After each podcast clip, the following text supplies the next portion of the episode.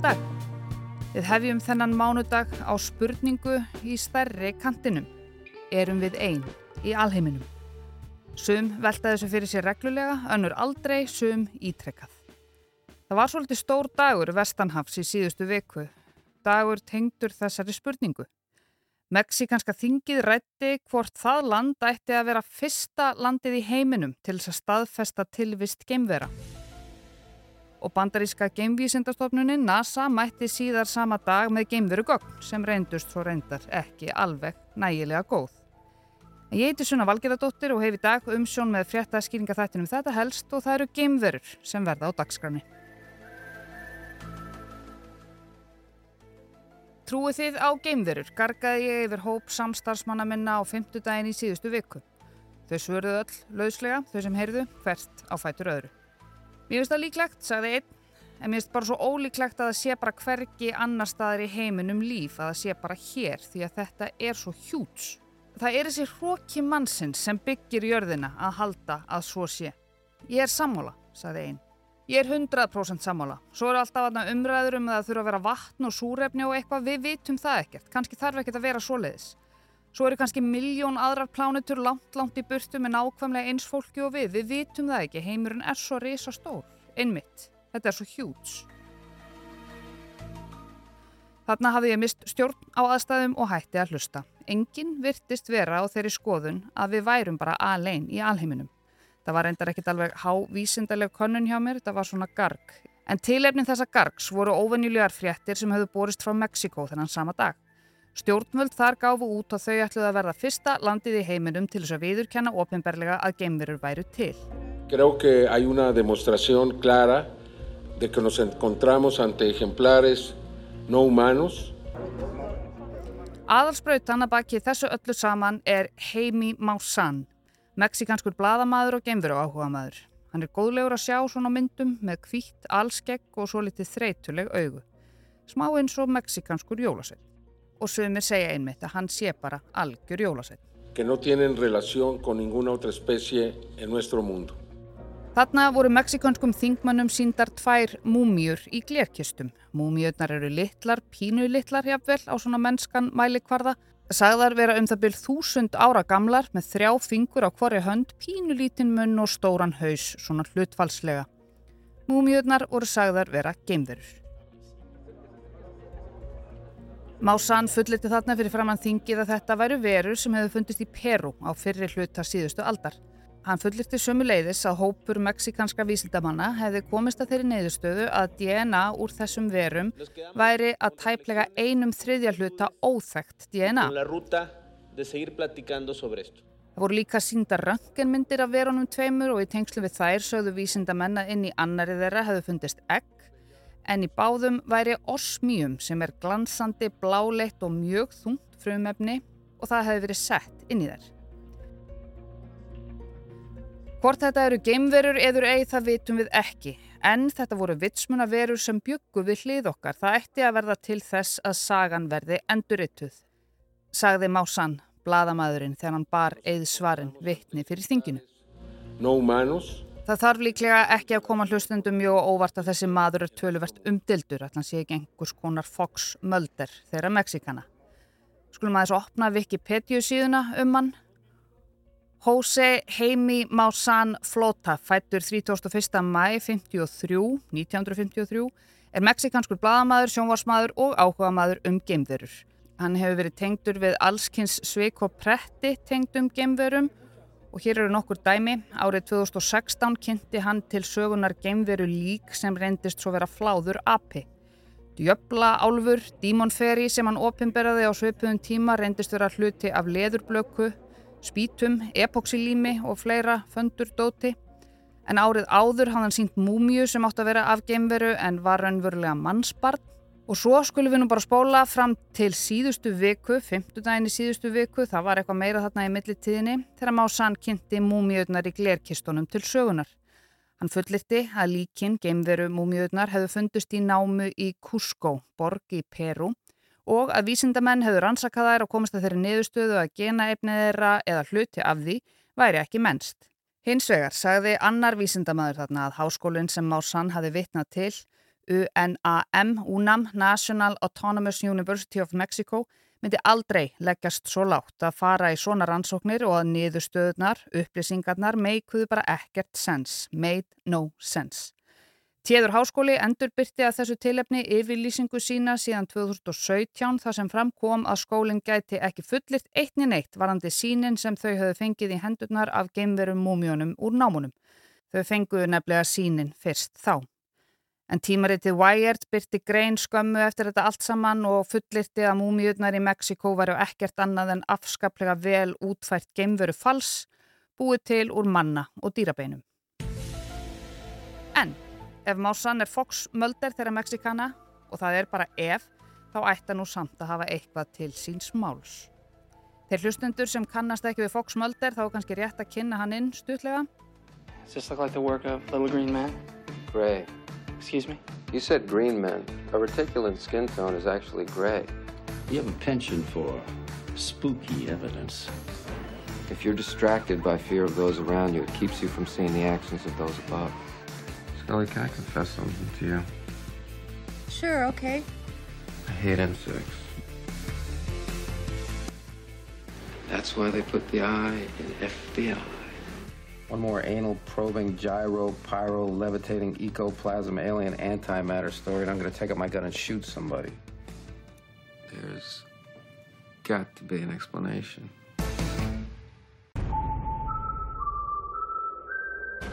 Mulder er helmingurinn af tvíekinu Mulder og Scully, leikinn af David Duchovny og Gillian Anderson. Það er alveg ágættis ástæða fyrir því að við erum að gera smá úr X-Files í þessum helst þætti um geimverur önnur en svo og þetta voru reynd alveg æðislegir þættir. Heldur gerðu þeir öruglega meira fyrir geimveru nöttara þessa heims heldur en allir bladamannafundir NASA og Mexiko til samans. En talandi um bladamannafundi þá skulum við bregða okkur nú hinum megin við landamæri Mexiko en halda okkur við 14. september í síðustu viku. Hello and welcome. We are here today at NASA headquarters in Washington, D.C. for a press briefing on a report from an independent study team on unidentified anomalous phenomena. We have four speakers here today. We have Bill Nelson. Thanks so much, and thanks for coming today. NASA searches for the unknown in air and space. It's in our DNA. From digging on Mars with the Perseverance rover in those little titanium tubes that we intend to go back and pick up, digging in a dry lake bed near the mouth of a river. Þarna heyrðum við Bill Nelson, stjórnanda NASA, sem hefur verið mikið í fréttum undan farin misseri að tala um James Webb, sjónukan. Það mér sér til helst þáttur um James Webb sjónukan. Kíkirinn sem getur ferðast aftur í tíman, þið getur lustað á þáttin í spilaranum. En nú var Nelson ekki að tala um sjónakan, að minnst okkurstu ekki mikið. Uh, whether we're dealing with Perseverance or the James Webb Space Telescope, which searches for exoplanets with signs of habitability, heldur geimverur. Fyrir ári síðan, í júni í fyrra, stopnaði NASA starfsóp saman sett um að vísinda fólki sem átt að skoða gögn og tölfræði upplýsingar sem voru tengt fljúandi fyrðurlutum, UFOs, Unidentified Flying Objects. Og þarna hafi hópurinn skilað niðurstöðum sínum. Ótrúlegt að það gerðist bara á nákvæmlega sama degi og nágrannar þeirra í Mexiko voru með múmiudramað á þinginu. En svona gerist víst. En þessi skýsla taldi 36 blaðsýður og niðurstaðan var eiginlega svo að það vantaði fleiri gögn til þess að geta komið með einhverjar haldbærar niðurstöður. Svo var skiptum stjórnanda hópsins líka. Þetta var já á fymtudaginn við í þetta helst vorum niðursoknar í önnur mál á þeim tíma, önnur mál þar sem vantaði gögn til þess að sanna að eitthvað væri ófalsað eða falsað, eitthvað verandi listaverk. Galleri borg og jafnvel vita að verkinn væri fölsuð. Hvað segiru við þessum hérna, ásökunum að sóla? Ég segi það sko að löngu áður en þetta stóra málverkafölsunarmál kom til, til þá var Ólafur Ingi kallarnir í morginskinu Svo falsaðar eða ófalsaðar gemverur fengu að sitja á hakanum. Það barst reyndar tilkynning frá BBC um að bladamannafundur NASA var í hafinn og þegar við klikkuðum á hlekkin byrtist kona á skjánum sem sagði akkurat þegar við opnuðum Ef þið eruð að býða eftir staðfestingu frá NASA um að það séu geimveruð þarna útið þá þurfum við að býða aðeins lengur okkur vantar gögn. Það vantar alltaf gögn. Og niðurstaðan eru geimverur til, við vitum það ekki. Kanski veit NASA það en vill ekki segja það. Kanski eru múmiurnar í Mexiko uppfullar af geimveru DNA. Það kannski eru það bara skúltúr úr öpum og illa fengnum líkum. Musan ætti að minnstakosti að vera orðin ansi sildur í að smíða svoleiðis miða við söguna og æfinguna. Webb encontró un planeta a 125 años luz, el K218b, que tiene dimetilsulfato. Y esta sustancia la producen organismos vivos, como el fitoplancton. En við skulum ljúka þessum helst þætti á hljóðbroti úr myndbandi þar sem við heyrum í bandaríska orustu flugmanninum Ryan Graves á flugi og hann virðist ekki vera einn. And that tells you that there is something out there. Pretty hard to spoof that. These photographs were taken in 2019 in the same area. The Pentagon confirms these are images of objects it can't identify. Lieutenant Graves told us pilots training off the Atlantic coast see things like that all the time. Every day. Every day for at least a couple of years. Um, wait a minute, every day for a couple of years? Mm-hmm. You know, I don't see an exhaust plume. Including this one, off the coast of Jacksonville, Florida in 2015, captured on a targeting camera by members of Graves' squadron. Look at that thing! It's rotating. My gosh! Graves var endar viðstattur blagamannafundin í Mexiko, ekki hjá NASA. Hann hefur verið í viðtölum hingað og þangað síðan þetta gerðist þar sem hann lýsir yfir áhyggjum af áhuga lesi almennings og stjórnvalda á geimverum. Hann hefur þurft að bera vittni fyrir þingnemdum og allskonar og auðvitað er hann líka komið með podcast. Former Navy pilot Lieutenant Ryan Graves calls whatever is out there a security risk. He told us his F 18 squadron began seeing UAPs hovering over restricted airspace southeast of Virginia Beach in 2014 when they updated their jet's radar, making it possible to zero in with infrared targeting cameras.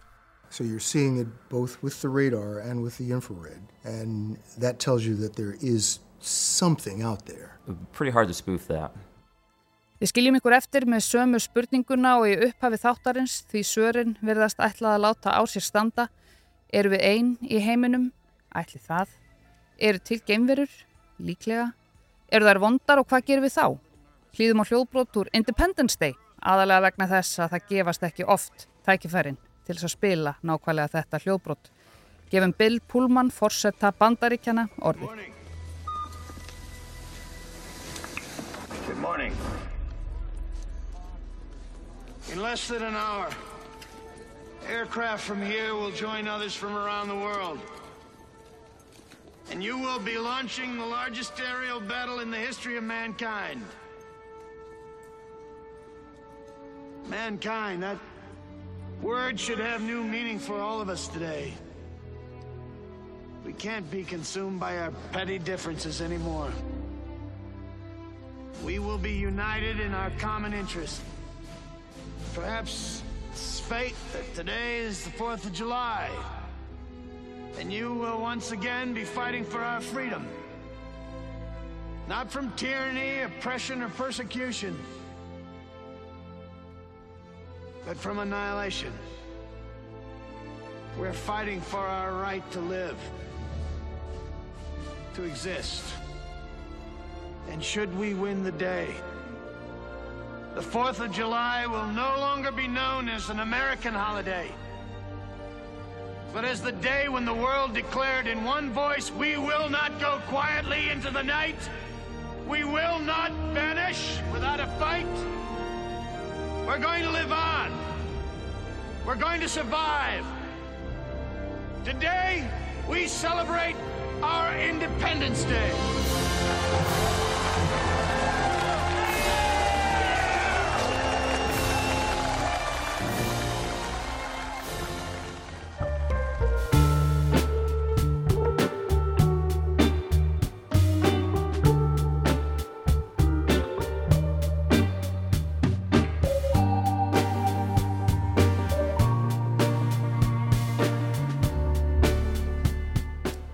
Ég heiti Suna Valgerðardóttir og Geimverur voru helst í dag. Takk fyrir að leggja við hlustir og við heyrumst aftur á morgun.